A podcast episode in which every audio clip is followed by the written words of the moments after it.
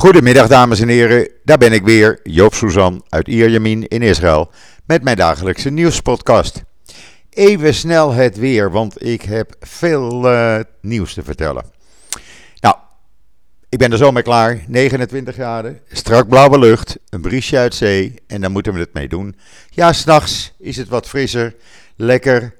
Uh, vanmorgen was het uh, 21 graden toen ik de hond ging wandelen, vanmorgen vroeg echt lekker fris. En uh, ja, nu is het gewoon uh, heerlijk nazomerweer. En dan het nieuws in Israël. Nou, laten we eerst met het goede nieuws gaan beginnen. Want uh, het aantal viruspatiënten in Israël blijft gelukkig dalen.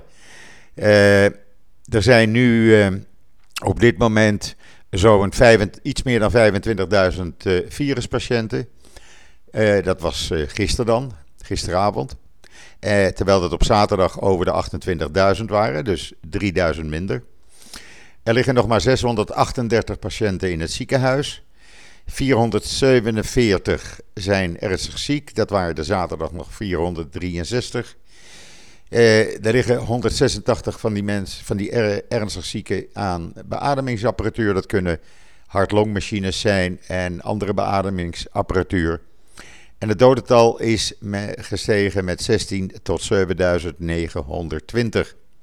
Uit het onderzoek van het ministerie van Volksgezondheid blijkt dat van de ernstige viruspatiënten onder de 50 jaar ruim 90% niet is gevaccineerd. Eh, dat is een hoog percentage.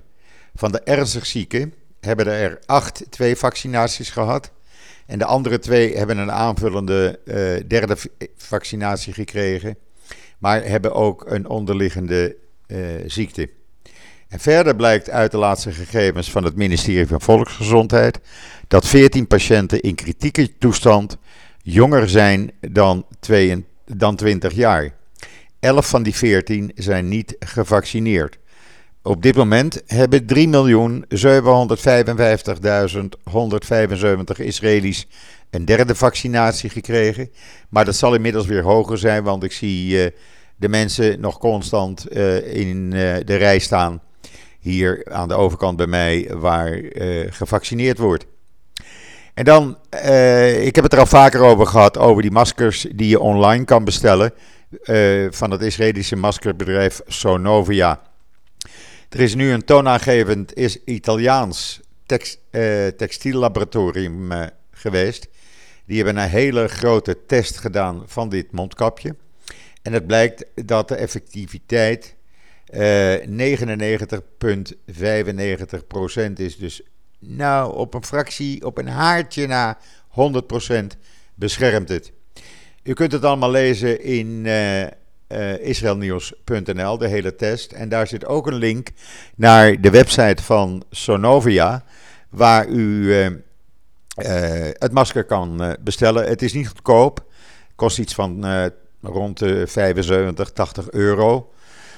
maar je kan het hergebruiken. Dat wil zeggen, je kan het gewoon wassen na een 40 keer dragen.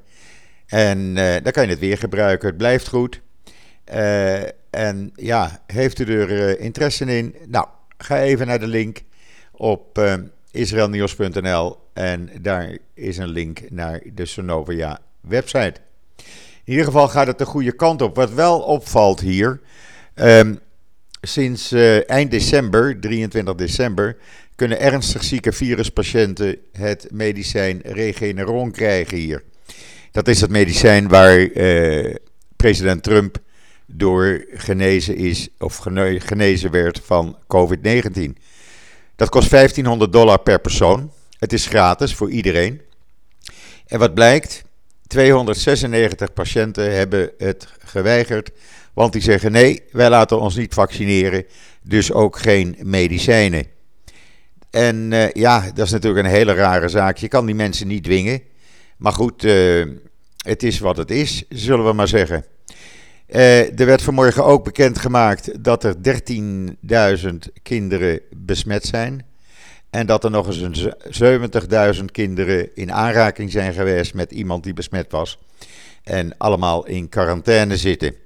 Daar kreeg ik als reactie op van iemand die, nou, ik vermoed haast zeker tegen vaccineren is. Want die zegt het wordt tijd dat we concentratiekampen gaan opzetten voor artsen en andere gezondheidswetenschappers. Uh, vanwege uh, dit soort verhalen. Nou ja, die man heb ik natuurlijk meteen geblokt. Uh, anoniem is hij natuurlijk. Een of andere hele rare, gekke naam. Maar goed, dit soort figuren blijf je houden natuurlijk. En dan gisteren, Merkel, die is nog steeds in Israël. Ze gaat in de loop van de middag, begin van de avond geloof ik weer terug. Ze krijgt op dit moment een eredoctoraat in het Technion. Uh, maar ze was gisteren ook in Yad Vashem. Ze had een heel druk uh, programma. En uh, daar zei ze: elk bezoek aan Yad Vashem raakt me in de kern. Alhoewel het de zevende keer al was dat ze bij. of de zesde keer was dat ze in Yad Vashem op bezoek was. En ze zegt: als je hier bent, dan merk je de voortdurende herinnering en waarschuwing aan de verantwoordelijkheid die wij Duitsers dragen. Uh, waarbij ze toevoegde dat het de verantwoordelijkheid van Duitsland is om op te staan tegen antisemitisme. Het hele uh, verhaal wat ze daar allemaal gezegd heeft, wat ze gedaan heeft, natuurlijk te lezen op israelnieuws.nl. Ook een paar foto's staan daar. Maar het was een heel indrukwekkend uh, moment. Je ziet haar ook op een van de foto's echt in stilte met haar hoofd gebogen bij de eeuwige vlam staan. Uh, bij de plaat waaronder as van in de concentratiekampen vermoorde Joden is begraven. President Herzog had trouwens een heel uh, bijzonder geschenk voor haar. Uh, hij heeft haar een certificaat overhandigd.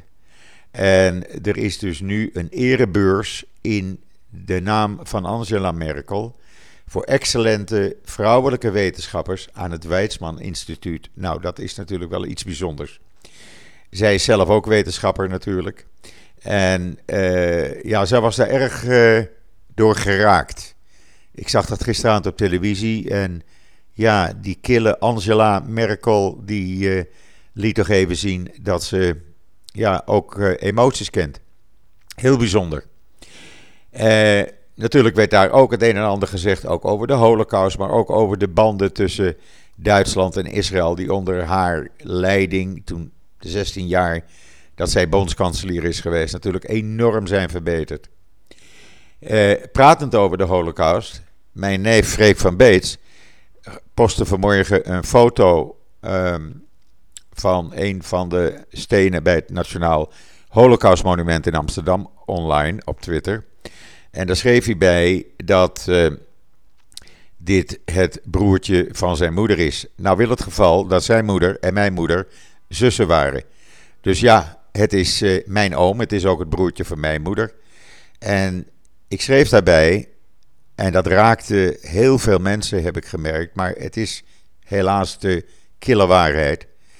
Uh, Simon Kaun was 16 jaar oud toen hij weggevoerd werd in een veewagen met duizenden andere Joden uit Amsterdam in Auschwitz aankwam, te licht werd bevonden voor te werken en uit de trein werd gesleept meteen naar de gaskamers en daar nog dezelfde dag werd vergast. Een jongetje van 16 jaar. Zo ging dat. En het raakt mij nog steeds. En het is natuurlijk iets wat, ja, je kan dat niet begrijpen. En ik kan dat niet begrijpen en niemand kan dat niet begrijpen. Ik zie dat in de reacties op, uh, op Twitter. En dan iets heel bijzonders. Er is uh, bij Javne in het zuiden van Israël is het grootste industrieterrein ontdekt uit de Byzantijnse tijd, 1500 jaar oud. En daar waren uh, daar werd wijn uh, geproduceerd. 2 miljoen liter wijn werd daar per jaar geproduceerd. Uh, het was een wereldwijd powercentrum, Jafne. En ja, dat industrieterrein uit de Byzantijnse periode, als je de foto's ziet, het is zo indrukwekkend. En dat je dan moet voorstellen dat daar wijn werd geproduceerd uh, Gaza-wijn en Ashkelon-wijn heten het. Ja, dat is toch iets, iets fenomenaals. Dat is toch iets waar je eigenlijk eh, ja, even bij stil moet staan om dat te verwerken. Nou, dat kan, want als u de foto's ziet uh, en het artikel doorleest en scrolt, onderaan het artikel staat een uitgebreide video van deze opgravingen. Want het is het grootste wereldwijncentrum in zijn soort in de wereld. Er is geen groter, ouder wijncentrum uh, in de wereld ontdekt. En dat is toch wel heel bijzonder dat dat dan in Israël is ontdekt. Het zijn bijzondere foto's. Men heeft daar ook allerlei andere dingen gevonden, zoals poppetjes en afval, wijnafval zelfs. Uh, afval van een soort van kratten. Ja, heel bijzonder als je dat allemaal ziet. Uh, men is dit op een spoor gekomen. In Israël is een uh, wet dat overal waar uh, gebouwd gaat worden, er eerst grondonderzoek wordt gedaan door de Israël Archeologische Dienst. En, oftewel de Israël Antiek Authority. Nou, dat is hier ook gebeurd. En toen het terrein was afgegraven, ging men dus met archeologen aan de gang. En men vond dit enorme gigacomplex. Wat op een of andere manier behouden gaat worden. Want dat gebeurt altijd in Israël. En dat kan dan later bezocht worden. Misschien dat me, men er doorzichtig plexiglas overheen doet of wat anders. Maar het, uh, het blijft behouden. Dus als u uh, naar Israël komt, uh, wordt dit zeker een bezoekje waard. Dat kan ik u aanbevelen. En dan Leonardo DiCaprio. Ja, wie kent hem eigenlijk niet? Nou, in Israël weten we nu wie die is, mochten we hem nog niet kennen. Want hij uh, heeft uh, een behoorlijke investering gedaan in het Israëlische bedrijf Alef Farms, wat gekweekt vlees produceert. Dus uh, ja, namaakvlees, zullen we het maar plat zeggen. hij, het is niet zijn eerste investering. Hij heeft al verschillende investeringen in Israël gedaan. Uh, daarvoor, voordat hij deze investering deed, investeerde hij ook in een eco-hotel in Herzliya. Uh, maar hij vindt zijn investering waard nu in dit bedrijf. Hij heeft ook geïnvesteerd in het Nederlandse kweekvleesbedrijf Mozambique. En hij vindt investeren in dit soort bedrijven een van de meest impactvolle manieren om de klimaatcrisis te bestrijden en het transformeren van ons voedselsysteem. Nou, daar is hij dan uh, goed mee bezig, denk ik zomaar. Het gaat om enkele tientallen miljoenen dollars. En dan Israël Aircraft Industrie is geselecteerd als hoofdaannemer voor de Carmel, het gepantserde gevechtsvoertuig voor de toekomst. Dat rijdt helemaal autonoom. Er zitten twee mensen in die computers eh, bedienen. Er zitten, de luiken voor de ramen zijn dicht. Je kunt het hele verhaal lezen en de video zien hoe dit werkt op uh, israelnieuws.nl. Het is uh, ja, uh, het nieuwe tweemans gepantserde gevechtsvoertuig voor de toekomst. Ehm, en ja, het schijnt dat de IDF die heeft al een orde geplaatst. En die gaat dat dus zeker gebruiken. En dan, ja, Emigranten, natuurlijk. Uh, Israël uh, verwelkomt nog steeds emigranten. En nou is het woensdag, komende woensdag, Nationale Aliyah-dag. Aliyah betekent emigratie naar Israël. Uh, en toevallig heeft premier Bennett in een toespraak gezegd vanmorgen dat hij in de komende tien jaar 500.000 westerse emigranten naar Israël wil halen. Dat zijn er dus zo'n 50.000 per jaar. Dat zijn uit Amerika, uit Australië, uit Frankrijk, Nederland, uh, Europa, noem maar op. En die willen dus naar Israël brengen. Immigranten die hier al zijn, uh, daar hebben er vijf van een prijs gekregen gisteren. Overhandigd door premier, uh, president Herzog en de minister van Alia en Integratie, Prina Tameno. En zij is zelf een immigrant. Zij komt oorspronkelijk uit Ethiopië, kwam als kind hier, is nu toch minister van Alia en Integratie geworden. Want dat kan gewoon hier in Israël. En er zijn vijf prijzen uitgereikt aan nieuwe immigranten op het gebied van geneeskunde, samenleving, zorg en welzijn, kunst en wetenschap en techniek en sport. En dat is natuurlijk iets geweldigs. Deze mensen die een nieuw leven zijn gaan opbouwen in Israël, daar succesvol mee zijn geweest, veel voor het land al hebben gedaan in die korte jaren dat ze hier zijn. En daar dus een beloning voor krijgen in de vorm van een officiële prijs. Ik vind dat heel mooi. Ik vind dat, uh, ja, dat is weer typisch Israël natuurlijk. Uh, dat zei uh, de president ook tegen de minister van Aliyah en Integratie. Hij zegt: Wie weet beter dan jij hoe Aliyah werkt, hoe het eruit ziet. jij bent eigenlijk een model, een voorbeeld voor ons allemaal. Een voorbeeld hoe je door middel van vastberadenheid, zionisme, een gevoel van missie en liefde voor het land, voor het volk, voor de staat, toch minister kan worden. Eh, dat is natuurlijk geweldig. En eh, ja, ik vind het bijzonder dat dit gebeurt. Dat wil ik gewoon even zeggen. Ik vind het mooi dat mensen die nieuw in Israël zijn, hun weg hebben gevonden, dan toch een, daarvoor een prijs krijgen. En dat is een mooie beloning. Ja, en voor de rest in Israël, uh, we krijgen straks nog wat nieuwe verse berichten over Angela Merkel. Uh, ik zei het al eerder, zij krijgt dat eredoctoraat in het Technion. Ze is zelf wetenschapster. En dat is natuurlijk ook iets bijzonders. Uh, dat vindt op dit moment in Haifa plaats. En daarnaast, ja, alles rijlt en zeilt hier in dat land alsof er verder geen corona bestaat. Alhoewel ik het wel opvallend vind dat ik steeds meer mensen vrijwillig een mondkapje ook op straat zie dragen, terwijl dat niet nodig is. Uh, maar men doet het. Men doet het uit uh, bescherming, uit eigen bescherming en bescherming van anderen. Uh, kinderen, die zie je ook steeds vaker met mondkapjes. Die moeten natuurlijk mondkapjes op in school. En uh, ja, het land uh, draait, uh, zoals ik gisteren zei, vanaf november zijn de individuele toeristen welkom. Je moet dan wel twee keer gevaccineerd zijn. En niet, de laatste mag niet ouder dan zes maanden zijn. En je moet een, een QR-code of een groen paspoort laten zien. Welke medicijnen men accepteert waarmee gevaccineerd is, die lijst wordt nog gemaakt.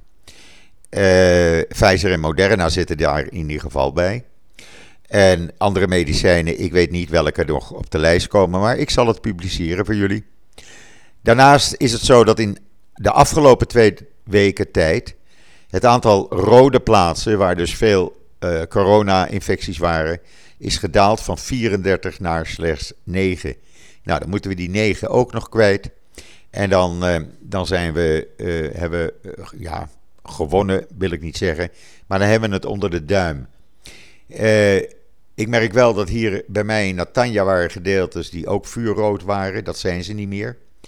Uh, waar ik woon in Ierjamin is inmiddels groen. Dus dat is ook, uh, ook een goed teken. En ja, zo langzamerhand, mede door dat vaccineren, die derde booster, die, die doet het hem gewoon. Dus ik hoop dat dat ook in Nederland snel aan de gang gaat. Dit brengt mij tot het einde van deze nieuwspodcast. Hou israelnieuws.nl in de gaten. Hou mijn Facebook- en Twitter-account in de gaten. Uh, wat mij betreft, ik wens u allemaal nog een hele fijne voortzetting van deze maandagmiddag, de 11e oktober. En uh, ik ben er morgen weer. En zeg zoals altijd: tot ziens, tot morgen.